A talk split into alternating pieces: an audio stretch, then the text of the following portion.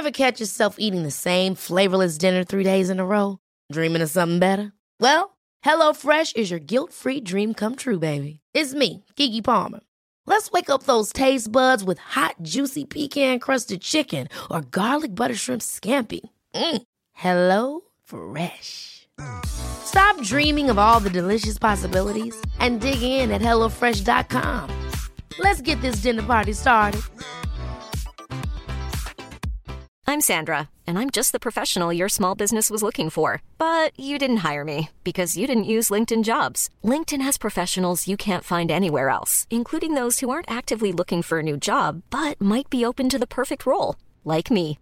In a given month, over 70% of LinkedIn users don't visit other leading job sites. So if you're not looking on LinkedIn, you'll miss out on great candidates like Sandra. Start hiring professionals like a professional. Post your free job on linkedin.com/people today. There's never been a faster or easier way to start your weight loss journey than with PlushCare. PlushCare accepts most insurance plans and gives you online access to board-certified physicians who can prescribe FDA-approved weight loss medications like Wigovi and Zepbound for those who qualify. Take charge of your health and speak with a board-certified physician about a weight loss plan that's right for you. Get started today at plushcare.com slash weight loss. That's plushcare.com slash weight loss. plushcare.com slash weight loss.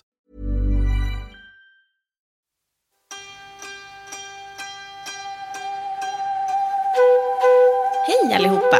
Välkommen till säsongens sista avsnitt i podden Psykologsnack innan det är dags för ja, men lite sommaruppehåll och ledighet. I alla fall från podden. Så. Men hur ser det ut för dig Åsa? Hur ser dina planer ut för sommaren? Ja, men eh, jag ska jobba några veckor till. Sen ska jag vara ledig och nu kommer vi ju kunna åka till Gotland. Så jag är så glad! Woho! Jag är så orolig för det. Så det känns eh, väldigt härligt. Och sen kommer vi kanske vara lite på mina svärföräldrars landställe. Och eh, min kille jobbar ju uppe i Värmland nu också. Så vi kanske ska vara där. Jag har aldrig varit i Värmland ännu. Så det ska bli spännande.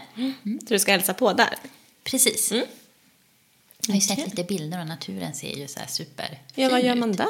Man kan nog vandra och bada och kolla in pelargon. Ja. ja, jag vet inte. Lite sånt där. Det blir spännande. Kul med något nytt. Och kanske en sväng upp till Norrbotten också. Just det. Det låter ändå Vad har du för planer? bra. Ja, men, ja, jag har inte så mycket planer än faktiskt. Ehm, jag har lite väntat på att bara få höra men, vad, vad som händer i världen. Och eh, jag har en syster med hennes familj i Norge och jag väldigt gärna vill åka dit eller att de ska komma hit. Men det är fortfarande faktiskt väldigt ovisst. Du får åka så här smuggelvägen. Ja, få smuggla mig över dit. Som det ser ut som så kanske det i alla fall är större sannolikhet att jag kan smuggla mig över dit. Alltså att, det, att man får göra det Ja. om ett tag i alla fall. Vi får se. Men de verkar ju inte få komma hit, förutom då till Gotland.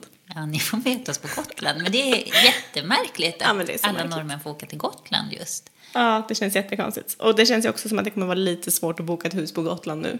Jag Mm. kan tänka mig att det är många som har så här, ja men okej, men då får vi åka till Gotland om vi inte får åka till Rivieran eller åka till Grekland eller sådär. Så att, ja, vi får se. Det blir nog mest eh, landet, alltså skärgården. Jag har ju Ja. tagit över en båt så jag behöver lära mig att, att ta hand om den där båten och lägga till och hoppa i land och Ja, men jag vill komma ut och åka båt. Jag har ju sett bilder på Mm. Insta. Det ser så här superhärligt ut. Ja, men det får du göra när jag känner mig lite tryggare. Du måste träna lite till först. Ja. Så, men det kommer bli, jag kommer också jobba några veckor till och sen blir det några veckors semester där i slutet av juli, början av augusti. Ja, Det ska bli härligt. Är läget bra annars? Ja, men det tycker jag. Ja. Det är väl bra. En varm och skön vecka har det ju varit. ja. Så jag känner mig, brände mig lite på nosen häromdagen, men um, var ute lite för länge. Men annars är det väl väldigt bra. Ja, man känner så här sommarvibbarna. Det är ju underbart. Ja, framförallt nu när man sitter och svettas här inne. Det är så himla varmt. Man vill bara komma ut och ta slänga sig i sjön sen. För jag Ja, går ner och ja. badar i Sicklasjön. Har du badat något ännu? Nej, jag har inte det. Inte jag heller. Jag skulle gå igår på Långholmen med hunden. Ja. Men då var det någon så här scout-samling på det där lilla hundbadet där man kan bada med hund. Ja. Så att det var supermycket folk så jag hoppade. ja. hoppade det. Men det har också varit jättemycket folk här vid Sicklasjön. Så jag vet inte, jag vill nog bada i havet istället. Mm. Ta det nog när jag kommer till, tillbaka ut till landet på, till midsommar. Härligt. Det blir nog ett dopp. Ja. Ja. Om vi ska komma in lite och prata om dagens tema här i podden idag. Eh, så du och jag, Sandra, jobbar ju med ganska olika saker eh, utöver podden då. Eh, och du jobbar ju med olika HR-processer och rekrytering. Eh, och jag jobbar med neuropsykiatriska utredningar. Men en sak som vi har gemensam i vårt jobb är ju att vi gör en, en form av bedömning av en persons förmågor och kognitiva begåvning. Men med det sagt vill vi ju ändå väldigt ödmjukt här säga att vi är ju inte, verkligen, verkligen inte experter Nej. på det som ska vara dagens tema som eh, handlar om men, begåvning och intelligens. Nej men precis. Nej, men för mig är det en ganska liten del skulle jag säga. Men en ack så viktig. Framförallt kanske i olika urvalsprocesser. Att man, det är ändå en del vi tittar på och, och försöker liksom använda oss av för att kunna uttala oss om framtida liksom prestation. Så tittar vi ändå lite på det. Men jag håller helt med, jag är ingen expert på det. Eh, men det är ju ett väldigt intressant ämne. Och redan här har vi sagt lite begåvning, vi har pratat så kognitiva förmågor. Det finns ju en rad olika namn och benämningar kring det här. Så dagens tema är intelligens. Men in, ja, intelligens rymmer ju väldigt mycket. Så att, ja, vad är det egentligen? Eh, och, och hur mäter man det och vad gör det för skillnad egentligen? Eh, så det är ju några av de frågorna vi tänkte diskutera i dagens avsnitt. Då. Mm, det ska bli eh, spännande och lite läskigt. Ja. Ja, eh, och människans intelligens är ju, får man säga, väldigt unik. Eh, Andra djur har ju också utvecklats och lärt sig saker. Till exempel schimpanser använder ju vissa verktyg för att komma åt mat. Eh, delfiner kan överföra kunskap till varandra. Men ingen annan varelse har ju lyckats bygga upp det som vi eh, som människor har gjort. Allt från eh, skyskrapor till internet. Eh, och vi kallas ju också för Homo sapiens, den tänkande eller visa människan. ja. Det är ju Se- rätt sjukt när man tänker på det. Jag vet. Men också så här om allt som vår intelligens då, om det är bra allt som vi har lyckats göra. Men precis, Nej, det är ju också en intressant fråga. Ja. Men om också, vi, har, vi har inte funnits så länge på jorden Nej. egentligen. Och tänk vad vi har liksom tagit över och ja, jämfört med andra djur. Liksom. Ja, och utrotat andra Ja. arter. Eller är på Precis. väg att utrota andra arter. Mm. Och det är ju, där kan man tycka så här, men vad, tänkande? Det måste ju vara för att vi är dumma. Att vi inte riktigt kan liksom förstå vad, vi, vad det får för konsekvenser av det vi gör. För vår miljö. Ja. Ja. Men eh, precis. Så att vi kallas ju för en tänkande och visande människa, men trots det så, så vet vi faktiskt inte jättemycket om liksom, intelligens och varför våra hjärnor liksom, mellan människor också fungerar lite olika. Vi var ju inne på det här, men intelligens är ju ett ämne som kan väcka lite obehagliga känslor. Eh, och det är inte så konstigt det kanske. Inom liksom tidigare forskning kring intelligens så finns det ju många kontroverser. Man har pratat intelligens och ras, intelligens och kön och arv och miljö, vad är vad? Eh, och liksom vissa forskare har ju uttalat sig om att, att sagt att kvinnor har lägre intelligens. Och andra har påstått att olika raser har olika hög intelligens. Så det här är ju ett känsligt ämne. Verkligen. Och eh, 1994 så kom det ju en bok som heter The Bell Curve. Och den handlar eh, just om det här. Och har också blivit en eh, symbol för ja, men just då, rasistisk forskning. Och i boken så tar de upp då hur viktig intelligens är för samhället. Eh, men författarna menar att anledningen till att olika etniska grupper eh, också har haft varierande framgång eh, kan vara för att ja, men, deras medelintelligens skiljer sig åt av genetiska orsaker. Och det här vill vi verkligen lyfta och säga att det här är ju inte på något sätt bekräftat eller understött. Precis, nej. Men precis när den här boken kom så fanns ju vissa då studier som pekade på att, så här, eller antydde ska man väl säga, för det var ju inga jättetydliga. Eh, så. Men det antydde ändå att så här, men vissa raser, till exempel då eller att asiater i genomsnitt kunde ha liksom högre IQ än till exempel europeer och afrikaner. Men vad det då beror på, om det är gener, socioekonomiska faktorer eller att faktiskt de här testerna gynnar vissa grupper framför andra, det, det vet man inte. Men just då kunde man se att det fanns vissa antydningar till vissa skillnader.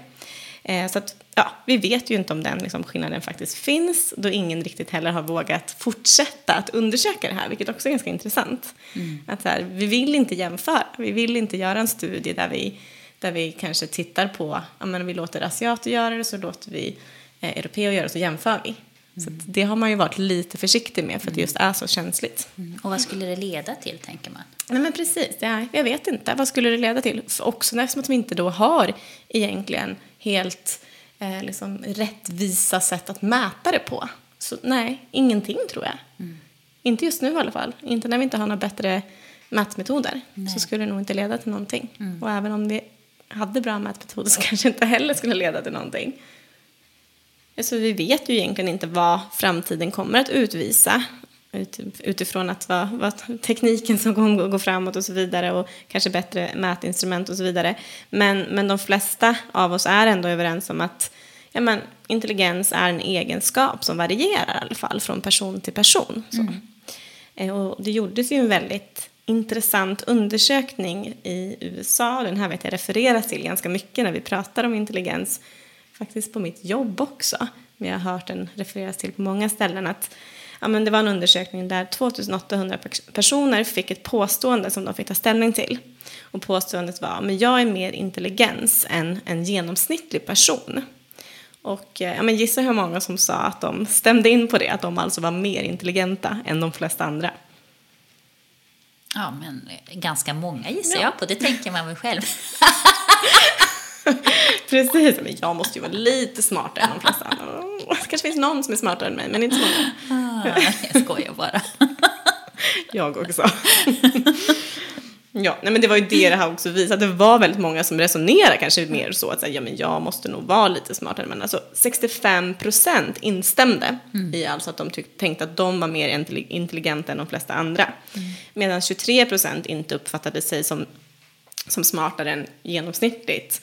Och sen var det några då som sa att de inte riktigt visste. Och det är ju väldigt intressant att de flesta upplever sig, upplever sig vara mer intelligenta än vad de faktiskt är.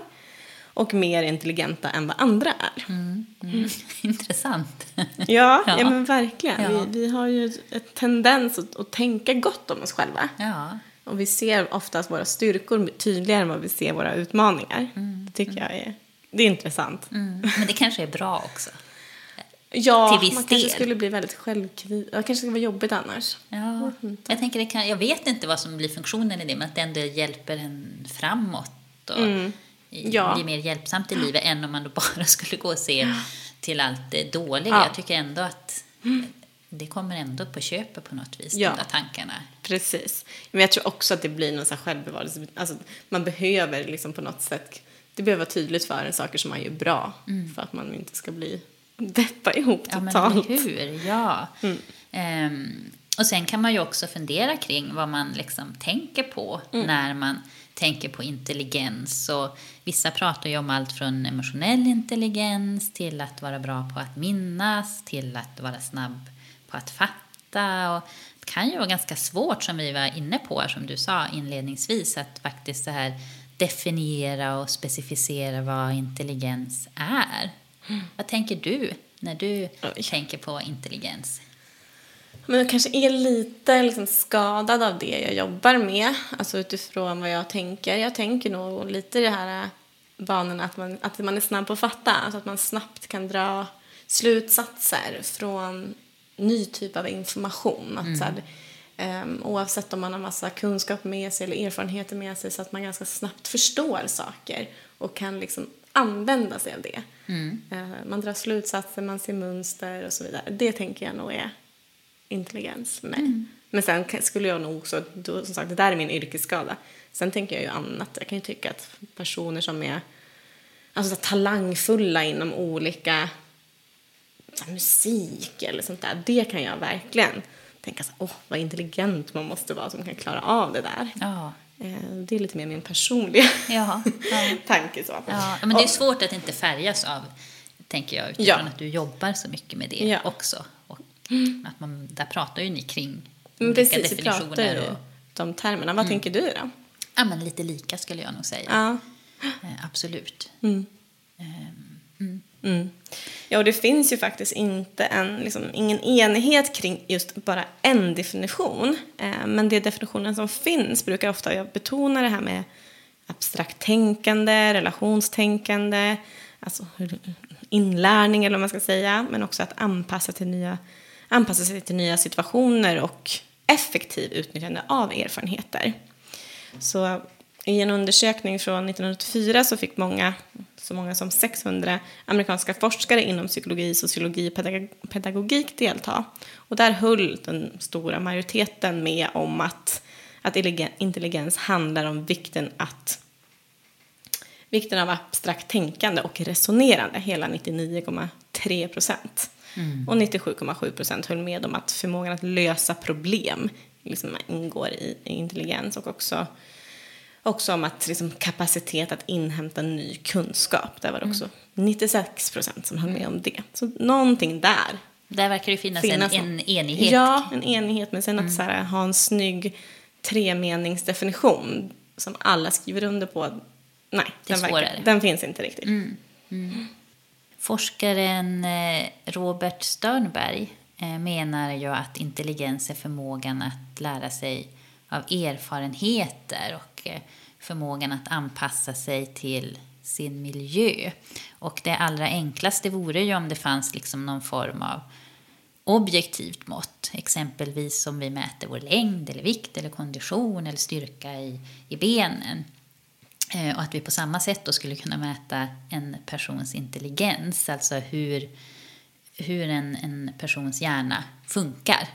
Ehm, och det kan ju, som vi sa, vara lite eh, känsligt och väcka många känslor eh, hos många. Att man liksom eh, graderar Precis. hur hjärnan fungerar. Och, Ja, och att säga så här, men din hjärna är bättre än min.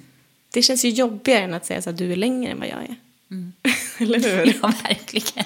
Så det blir ju, ja, det, det blir lite mer känsligt. Ja.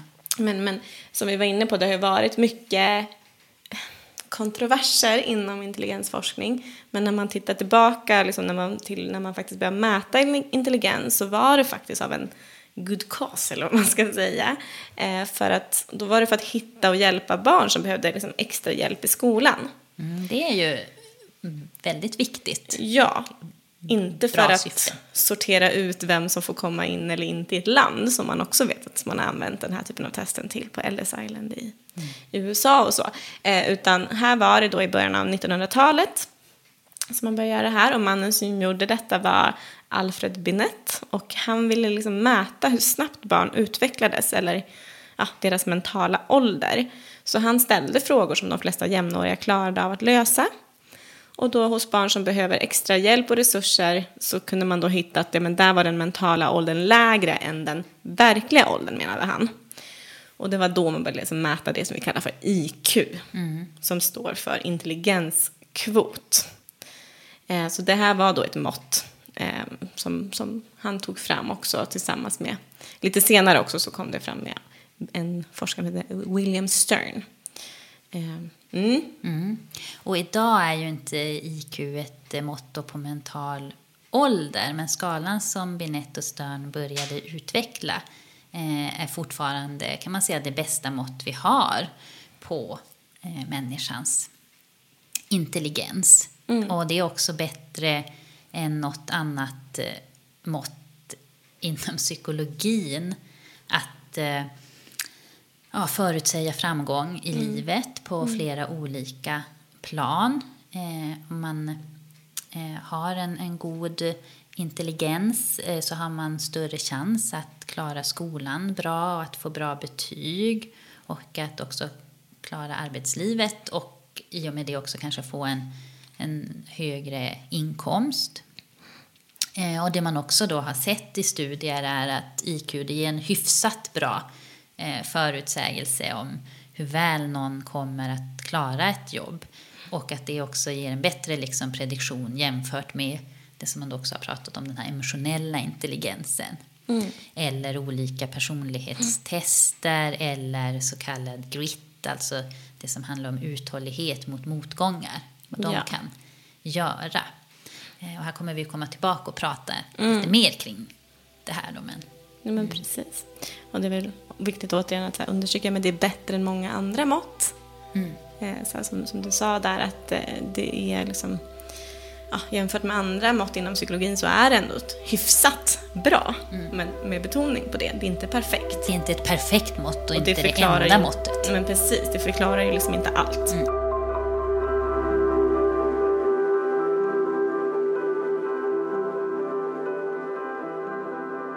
IQ är också kopplat till ja, men, hälsa, både psykiskt och fysiskt. Så det finns ju faktiskt liksom, studier, så tittar man bara enbart på skillnaden i intelligens så kan man se att det finns faktiskt en, en minskad risk att dö i förtid. Och det här vet vi inte riktigt vad det liksom beror på. Men man ser ju ändå att i studier att det finns en, helt enkelt en, en minskad risk både liksom att dö i förtid men också av att drabbas av vissa sjukdomar. Mm, jag undrar vart den där gränsen går. Det tycker jag är intressant, men det vet jag inte. Nej, det vet inte jag heller. Man ser ju, alltså det är en korrelation. Ja. Ofta som man tittar på att ja, men ju högre, i det här fallet då ska jag tänka att ju högre intelligens man har, ju lägre risk. Sen om det är så här, sen går ju säkert den korrelationen, den är säkert starkare vid någon. Hoppas man klarar sig där. Ja, ja men precis. Ja, nej, men jag vet inte heller exakt var den går. Men, men jag tror inte att man behöver vara extremt intelligent för att kunna liksom minska risken för att dö i förtid någorlunda. Jag håller tummarna, jag håller tummarna där. För annars, det här kan ju kännas eh, orättvist. Ja. Eh, Men jag tänker också att så är det ju fan med våra gener. Det är liksom inget som vi väljer själva utan någonting som vi faktiskt föds med. Ja, och det, det, det gör det ju lite känsligt. Men, men liksom, ja, forskare pratar mycket om att ja, men kan vi inte lita på IQ eller liksom intelligens, ja, men då är det inte så mycket som är giltigt inom psykologin. För att vi vet att faktiskt det finns en god vetenskaplig grund. Ehm, men, men trots det så är det ganska liksom, tabu att prata om det här. Vi märker att vi blir lite nervösa bara av att prata om det här. För det är så här, åh, men, okej, men vadå, hur, hur smart måste man vara då? Hur intelligent då? Och vad händer om man inte är det? Och så vidare. Ehm, men det, ja, det, det, är, det är tufft och, och även bland människor som liksom normalt litar på vetenskap och liksom aldrig kanske skulle drömma om att bli klimatskeptiker eller vaccinationsmotståndare kan också dra öronen åt sig lite och tycka det här, men vadå, intelligens, ska det göra skillnad på oss? Men jag tror att det är viktigt att komma ihåg det. Men det är som en egenskap som vi får med oss genetiskt. Det är inget vi liksom väljer. Nej, nej. Men man tänker ju då att eh, någonting måste väl såna här intelligenstester missa liksom eh, något viktigt eh, så. För jag tänker att ha hög IQ, det, behöver det vara liksom, det kanske inte är riktigt alltid detsamma som att vara klok eller att inneha en social kompetens och kunna anpassa sig i olika kanske sociala situationer och så vidare och så vidare. Och, eh, jag tänker du som jobbar med eh, rekrytering. Hur, hur tänker ni kring det då?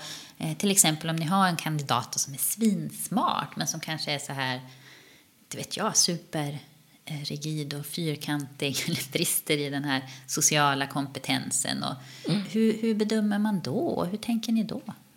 Ja, men, jätteintressant fråga. För att, så, ja, okej, eh, begåvning eller liksom intelligens, ja men som vi sa, det är ändå någonting säger att man kan vara mer framgångsrik i arbetet som du var inne på där, men det är ju inte allt.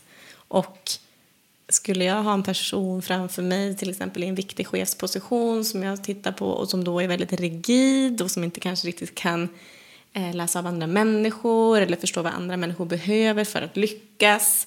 Nej, men då, då räcker det inte med att vara intelligent eller ha liksom en bra problemlösningsförmåga. Utan då kommer troligtvis, framförallt i ledarskap tror jag, alltså där blir det väldigt viktigt med det mellanmänskliga.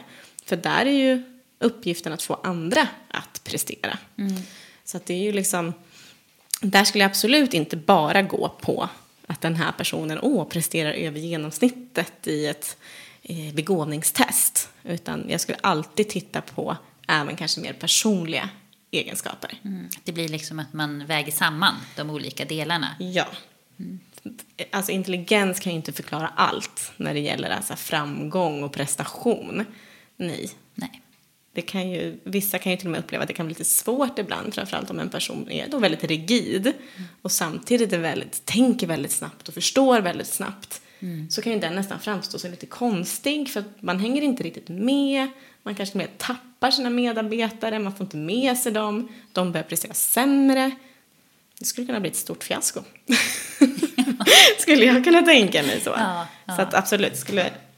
Men det absolut. tänker jag ändå blir så här viktigt att eh, ha med sig och även när man lyssnar och så här. För annars kan det ju kännas, tycker jag, lätt när man, både när vi har läst, vi har ju läst en bok inför det här, Mm. när man pratar om det här att man kan tappa liksom hoppet och så här, ja men om man inte är Mm.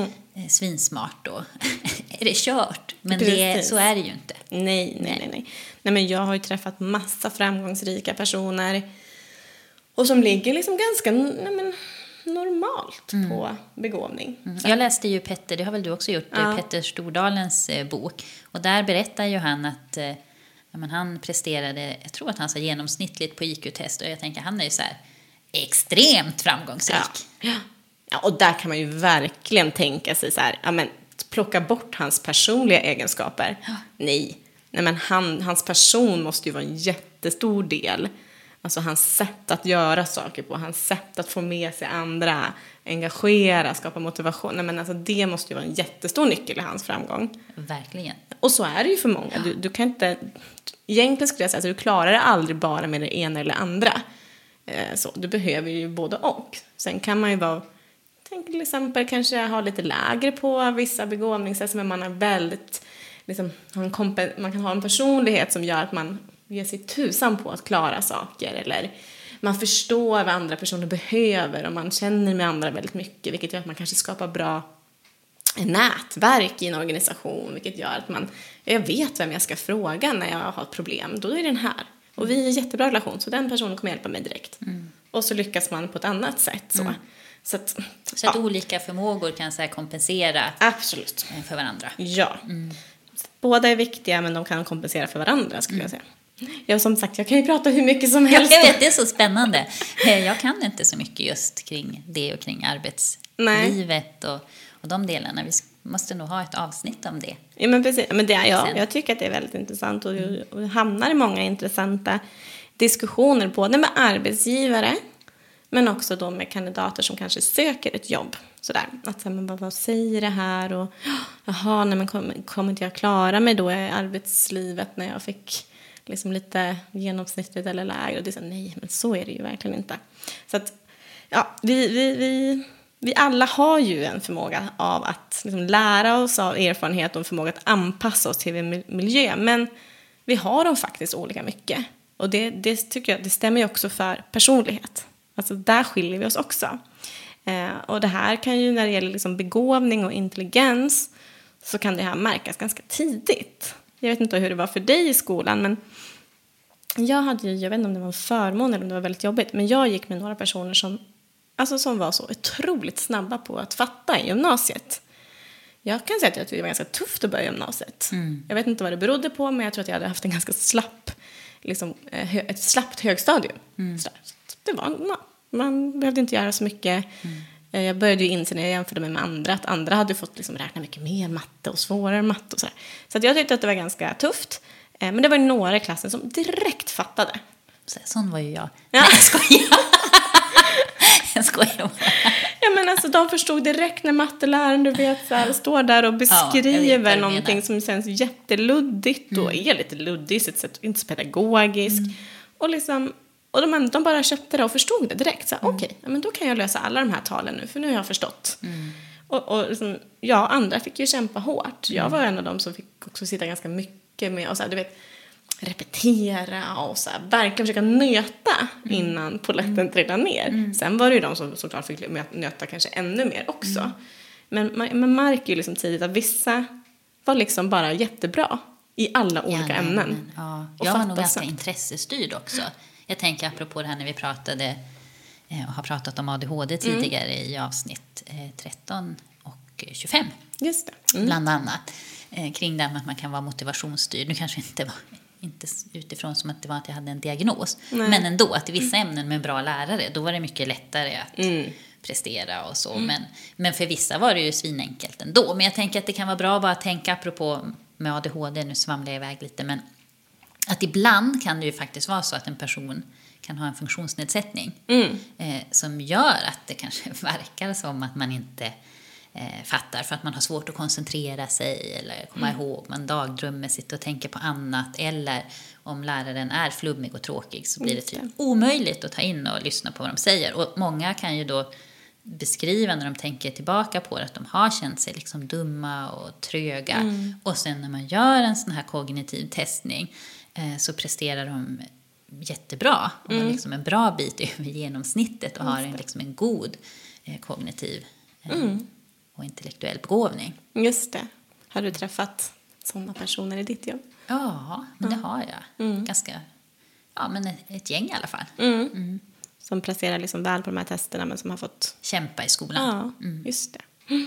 Så det tänker jag också är intressant att ibland så kan det ju döljas av att man har men, till exempel ett neuropsykiatriskt funktionshinder. Ja, Man kan, verkligen. man kan ha en god begåvning men den syns inte Nej. sådär som de här Ja, som smarta i de, din jag klass. hade några där i min klass, ja, som man... åh, provocerande, skulle jag säga. ja, de har också lyckats ganska bra. så att, ja. Ja, nej men precis. Och så det här med att, att vissa lyckas väldigt bra inom allt eller snabbt förstår oavsett ämne. Där finns det en, en, en man, Charles Spearman, som i, formulerade i början av 1900-talet en teori om just generell intelligens. För han fann just att olika typer av begåvningar var kopplade till varandra och att det verkar finnas en liksom generell faktor som förenar dem. Och idag är de flesta forskarna faktiskt överens om att, att ja, men han hade nog rätt. Och det har också visat sig i liksom, olika studier och experiment att liksom en person med högt på G-faktorn, då, som man kallar den här, eh, gör också bra ifrån sig på många andra olika typer av test. Så den som är bra på en sak kan helt enkelt också ofta vara bra på flera saker. Men det är inte alltid så. Det är inte liksom så. Men det verkar finnas ändå en, en korrelation, ett samband däremellan. Så. Och i de mest eh, använda teorierna om intelligens så finns det ju långa rader av olika förmågor. Mm, som man då pratar om och tittar på som till exempel läsförståelse eller som du var inne på matematisk insikt, eh, visualisering, språkutveckling, hur snabbt man läser, minnets kapacitet, fackkunskap, flexibilitet och så vidare. Eh, men man har sett att alla dessa eh, hänger samman med den generella intelligensen, G då. Och att alla speglar, men förstås på olika sätt, delar av vår förmåga att lära av erfarenhet och ja, men vår förmåga att anpassa oss till vår miljö.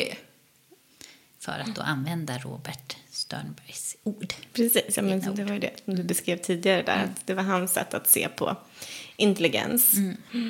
Och pratar man då liksom, men hur kan man förstå sig på intelligens? Så, så den enklaste uppdelningen är att, att skilja på vad forskarna kallar för flytande eller fluid intelligens och kristalliserad intelligens. Eh, och flytande intelligens är att kunna lösa problem och dra slutsatser. Medan kristalliserad intelligens är att liksom är in mer inhämtad kunskap, alltså det man har lärt in så. Ehm, och att kunna liksom använda kunskaper och erfarenheter för att lösa problem. Så då förstår man ju att även dessa hänger ihop så. Ja, men har man lätt för att, att fatta, alltså kanske det mer det här fluida, att man kan lösa problem och, och, och, och dra slutsatser, så har man kanske också då lättare att ta in kunskap och lära sig och, och också hur man ska använda sig av den kunskapen. Så man ser ju att även där emellan, även om man kan dela lite på de här, så ser man att även de eh, hör ihop på ett sätt. Så. Och det här brukar jag ibland ta som exempel kanske, här kan ju också få vissa och, och fundera lite, men högskoleprovet, där mäter man ju både och skulle jag säga. Så. För att det, det, den kan man ju till exempel träna upp till viss del. Men så ordkunskap, läsa av statistiska eh, grafer och så vidare. Alltså så här, det är ju jättesvårt att komma in och göra det även om du då har högt på generell intelligens, alltså G-faktorn, och så har du aldrig liksom läst av diagram förut, nej men det är såklart att det kommer påverkas av din kristalliserade intelligens. Hur mycket har jag lärt mig av, kring det här? Eh, så jag skulle, vissa frågar mig, så men jag hade ju högt på högskoleprovet, betyder det lika med att jag har högt på generella intelligens? Inte riktigt, men troligtvis så hör det lite ihop. Att du har lättare ändå att prestera väl på högskoleprovet om du också har liksom, lite högre på generell intelligens. Så. Spännande. Ja. Ja. Och, precis. Och idag pratar vi ju faktiskt lite mer om kognitiva förmågor, lite så som ett samlingsbegrepp, än intelligens. I alla fall i, i arbetspsykologiska området och det gör väl även ni så. Eh, ja, precis. Vi pratar om kognitiva förmågor och när jag gör de här testerna så brukar jag faktiskt medvetet undvika inför testningen att säga så ah, nu ska vi ha ett intelligenstest. Eh, för att ja, men många blir väldigt spända och nervösa av det och det tänker jag inte blir en så här bra testmiljö. Det är Nej. liksom att man får inte så bra förutsättningar om man så blir spänd och nervös. Nu ska jag få min dom liksom. Ja. Är jag dum eller inte? Alltså, ja, typ jag så. håller helt med. Ja.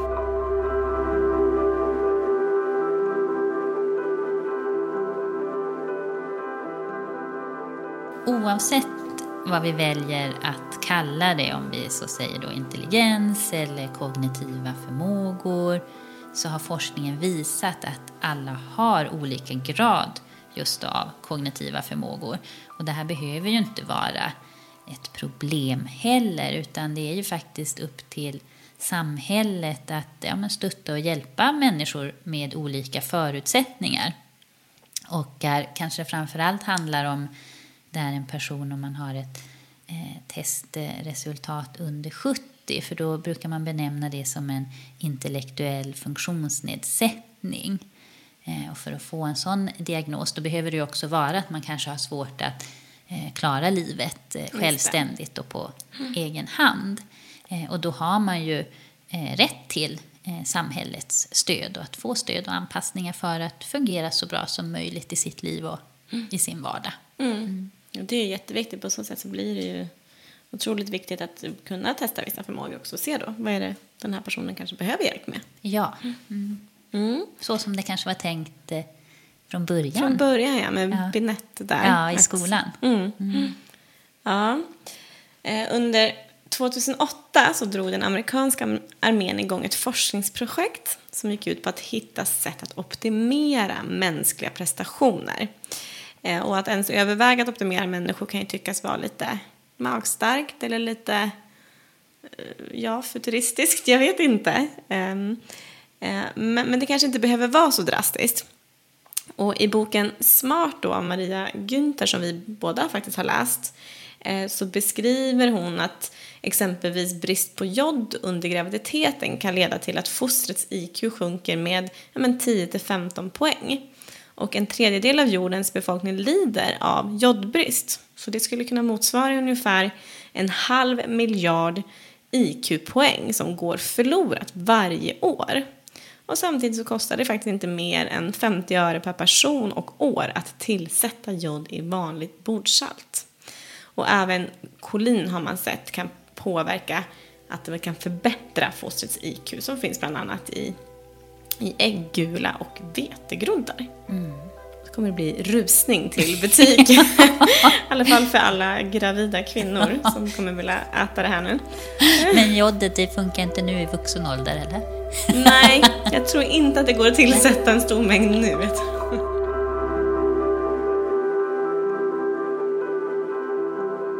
Eh, En annan fråga som ofta brukar komma upp är ju det här om man kan träna upp sin intelligens. Och svaret där är väl att man kan träna upp förmågan att lösa IQ-tester, men att det bara till en viss del, alltså marginellt.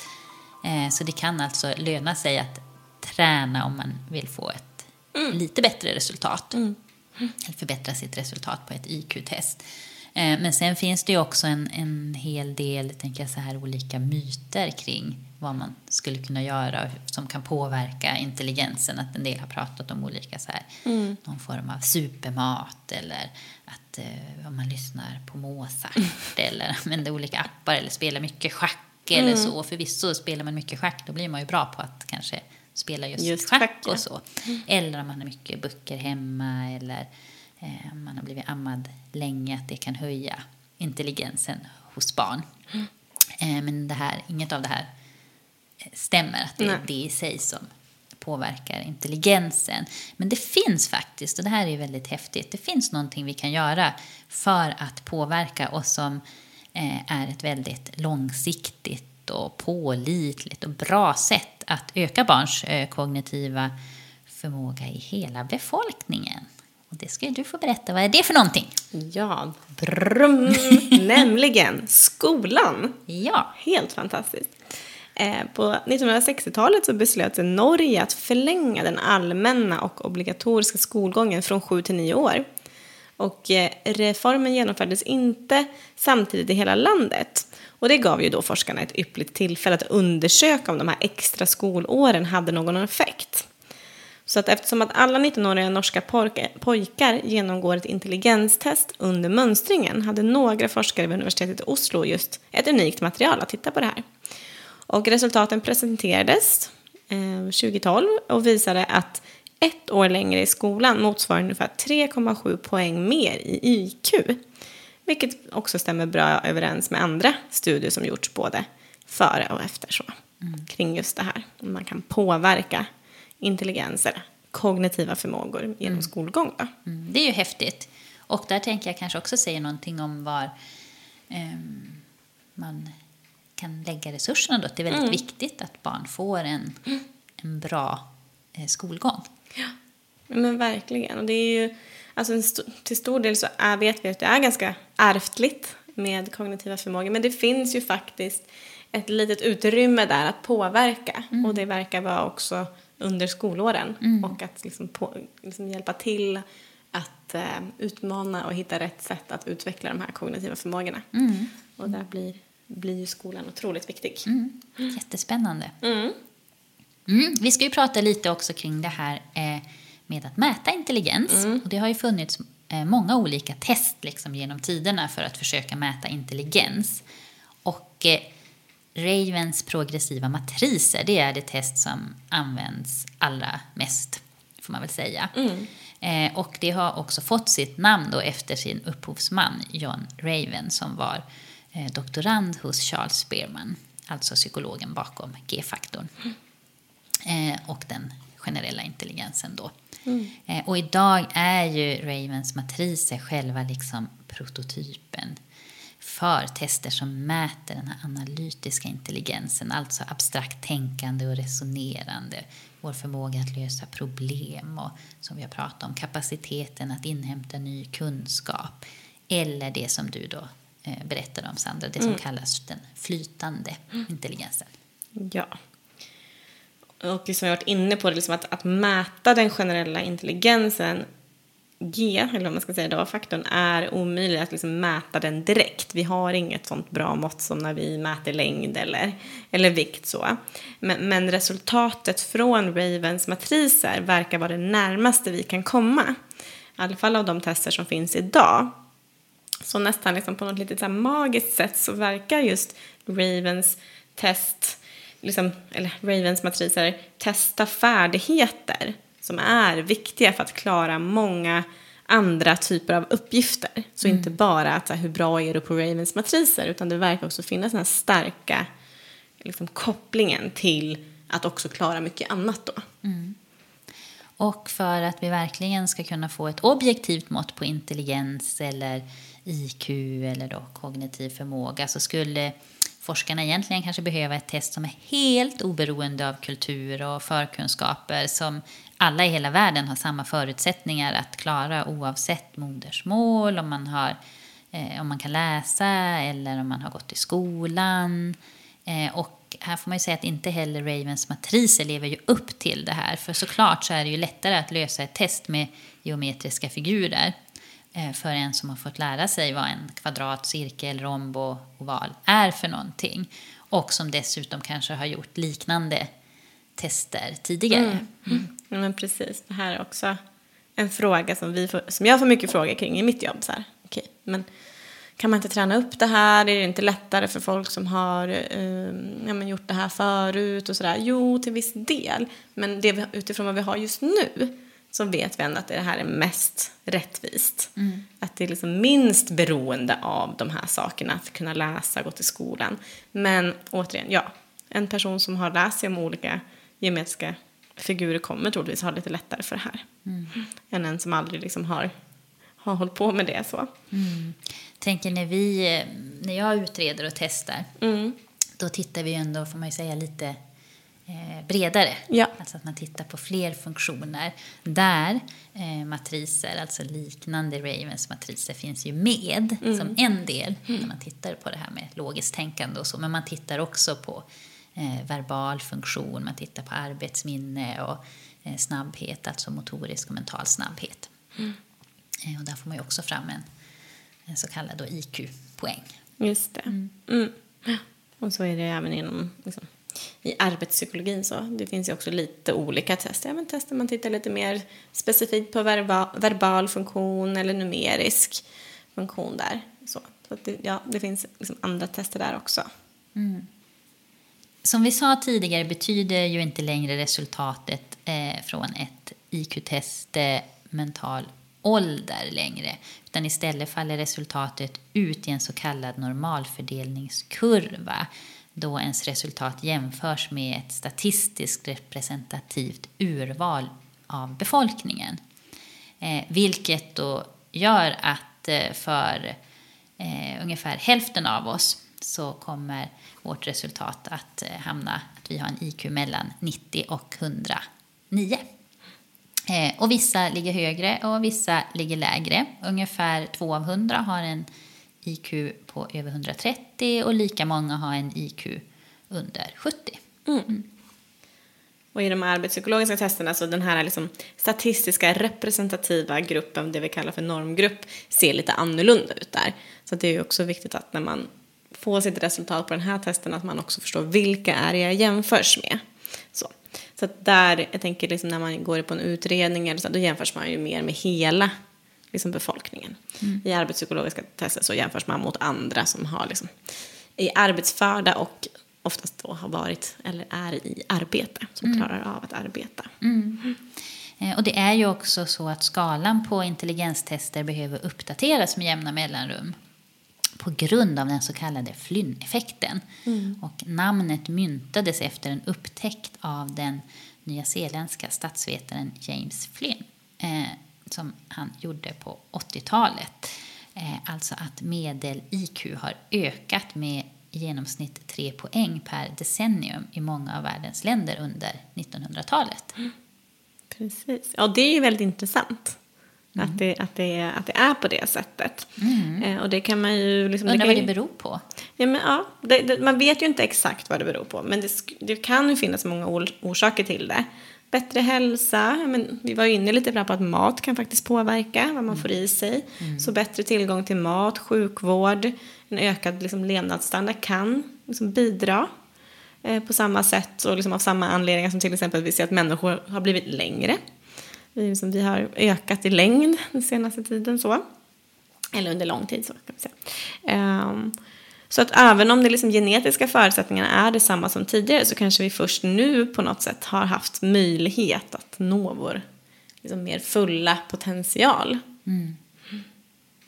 Och där kan man också säga att ja, Flynn-effekten är större i utvecklingsländerna än i rika länder. Uh, och, och, det här tycker jag också är jätteintressant, att det, det finns tecken på att ökningen har stannat av. Eller till och med börjat vända neråt. Uh, framförallt i liksom mer rikare länder som Norden, Australien, Storbritannien, Frankrike. Så att den går åt andra hållet? Alltså, ja. Vi blir mindre smarta. Vi blir mindre smarta. Mm. Och det är för att vi har nått vår fulla potential och nu börjar vi istället se effekter av kanske mer genetik, att välutbildade framgångsrika personer ska få färre barn eller är det någonting i vår levnadsstandard? Det, vi vet inte. Eller det är ingen som vet vad jag har förstått vad det är som gör. För vi vet mm. inte vad som har orsakat ökningen. Och därför kan vi inte heller säga eller veta vad det är som gör att det verkar börja till och med vända i vissa delar av världen. Mm. Intressant. Intressant, verkligen. håller vi på att gå Spännande. tillbaka till här. Någon tidigare version av människan kanske. Ja, Vet inte. vi går tillbaka och sen kommer robotarna och tar över. Ja, precis. Ja. Men eller det har ju eller va- vi blir robotar. Precis. Men det har ju också varit lite av en, en, en, en liksom tanke att så här, ja, men vi, vi sa precis att skolan är viktig för att utveckla vår liksom, intelligens. Att man, liksom, man utmanas, man får tänka och så här. Jag vet inte om det här är att, ta i. Men nu behöver vi inte göra det på samma sätt. Vi har så snabb tillgång till information. Mm. Vi behöver inte hålla lika mycket i huvudet. Skulle det kunna vara en anledning? Ingen aning. Men Mm. Spännande. det skulle kunna vara en liten, Ja. eventuellt, en liten hypotes. Ja. Så roligt att få prata med dig om det här. Du kan ju så eh, mycket, mycket, mycket mer än vad jag kan. Det är som att jag får intervjua dig. Lyxigt. Jag har ju kollegor som grottar i det här otroligt mycket. Så jag lyssnar på dem. Ja, men Och så tar jag till mig och spännande. tänker det här är ju intressant. Ja. Det är lärorikt och intressant. Man blir nyfiken. Mm. Ehm, innan vi rundar av eh, så ska vi väl prata lite kring att det finns ju också en del kritik då kring det här med intelligens och intelligenstest. Och den här kritiken har ofta handlat om att det saknar en ordentlig teoretisk grund och att det liksom är uppenbart att de här testerna då har vuxit fram ur praktisk erfarenhet och inte utifrån teorier kring hur vår hjärna fungerar eller hur vår hjärna löser problem. Nej, det är där det här lite, lilla liksom, magiska med Ravens kommer in också. Så att vi vet att vi mäter det.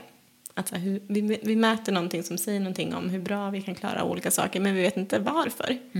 Varför, varför funkar det här så bra? Så. Eh, så det är lite intressant.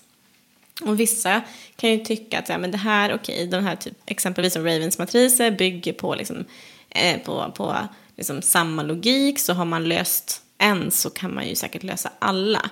Men det stämmer inte riktigt. För enligt liksom ett, en, ett gäng forskare så finns det liksom många olika regler, eller fem grundläggande regler i de här eh, matriserna som används för att skapa uppgifterna men också för att lösa uppgifterna.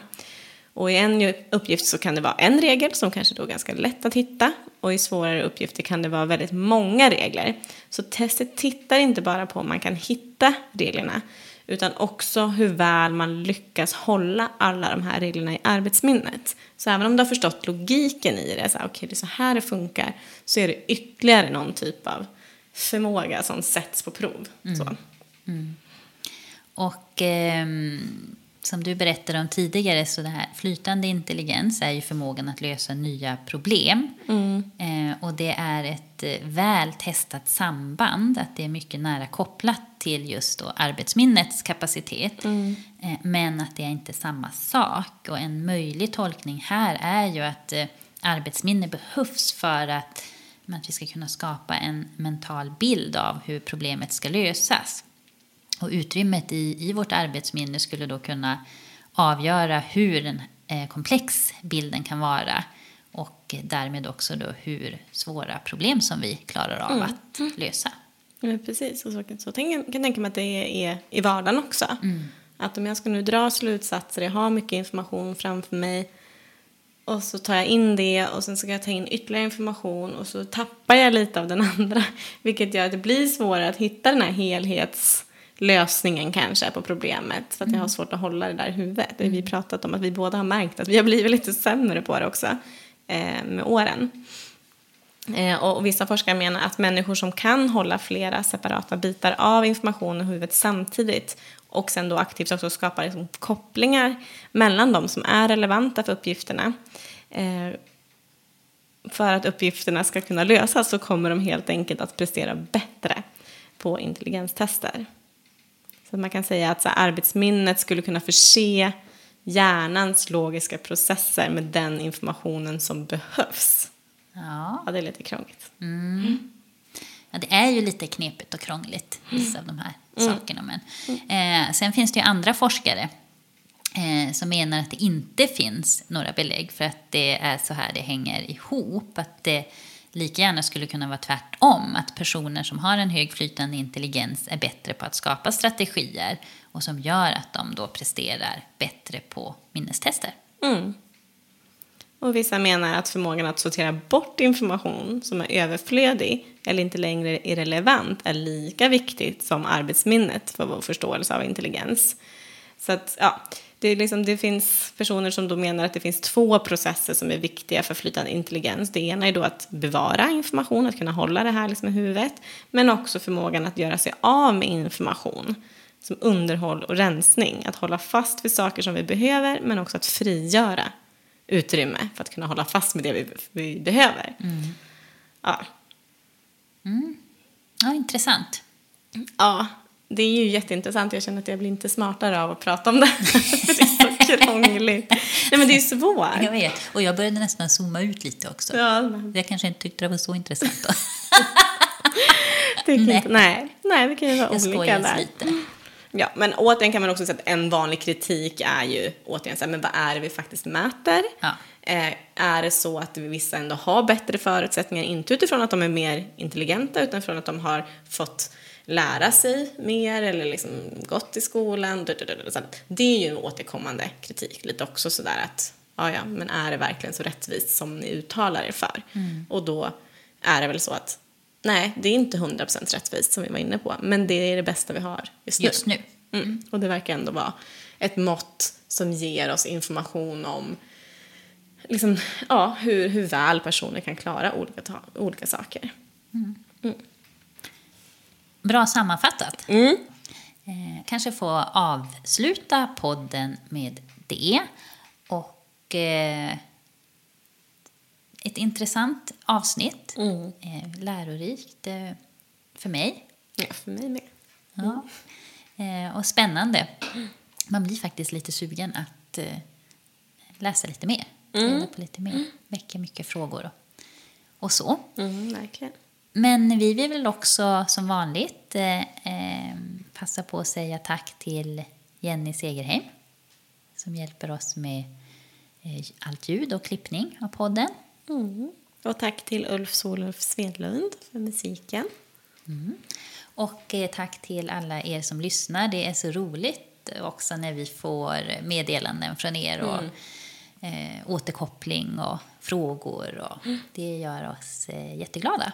Ja, så fortsätt gärna med det. Ja. Om det är något som ni undrar över eller vill att vi ska prata om eller skicka in till oss. Vi, ja. vi svarar så gott vi kan ja. på allt. Ja, och så önskar vi er alla en eh, härlig och fin sommar. Glad sommar allihopa. Ha det fint. Ha det fint. Hej då.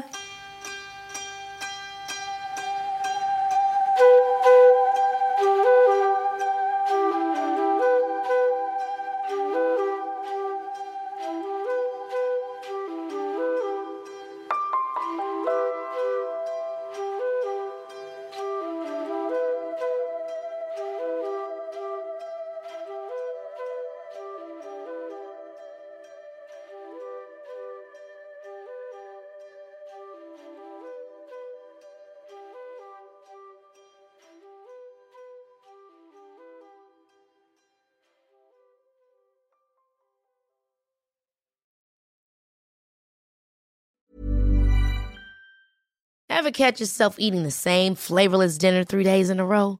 Dreaming of something better? Well, HelloFresh is your guilt-free dream come true, baby. It's me, Kiki Palmer. Let's wake up those taste buds with hot, juicy pecan-crusted chicken or garlic butter shrimp scampi. Mm. Hello Fresh. Stop dreaming of all the delicious possibilities and dig in at HelloFresh.com. Let's get this dinner party started. Imagine the softest sheets you've ever felt. Now imagine them getting even softer over time. That's what you'll feel with Bowl and Branch's organic cotton sheets. In a recent customer survey, 96% replied that Bowl and Branch sheets get softer with every wash. Start getting your best night's sleep in these sheets that get softer and softer for years to come. Try their sheets with a 30-night guarantee. Plus, get 15% off your first order at bowlandbranch.com. Code BUTTERY. Exclusions apply. See site for details.